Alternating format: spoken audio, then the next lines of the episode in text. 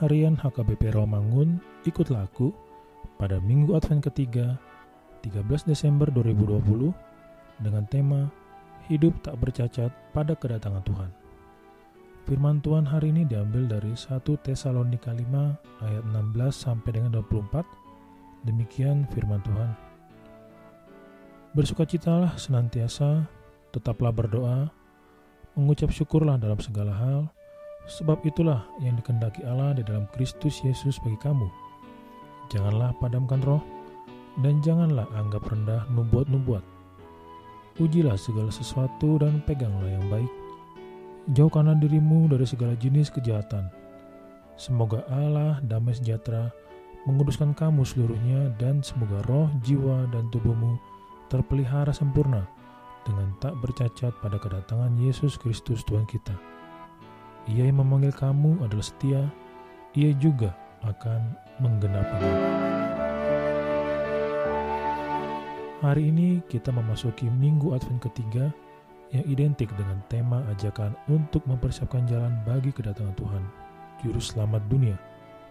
Firman Tuhan pada hari ini menyapa kita melalui surat Paulus yang pertama kepada jemaat di Tesalonika yang menyuarakan kepada kita agar kita hidup dalam perilaku kekudusan. Karena Allah adalah kudus, maka sudah seharusnya kita umat Tuhan hidup dalam kekudusan. Perintah Rasul Paulus kepada kita pada hari ini hendaknya kita bersuka cita senantiasa, tetap berdoa, mengucap syukur dalam segala hal, tidak memadamkan roh Tuhan, dan menguji segala sesuatu dan hanya memegang yang baik. Terutama di masa pandemik virus corona saat ini, mari kita hidup tekun di dalam doa, pengharapan, dan kekudusan.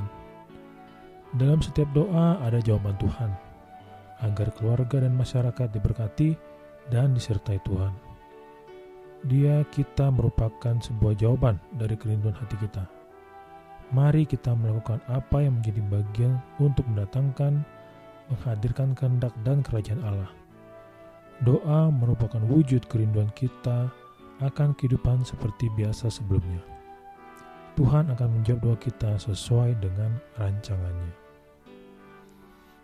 Mari kita berdoa. Ya Tuhan, kasihanilah kami orang yang hina ini. Ampuni dan kuduskanlah kami Tuhan. Amin.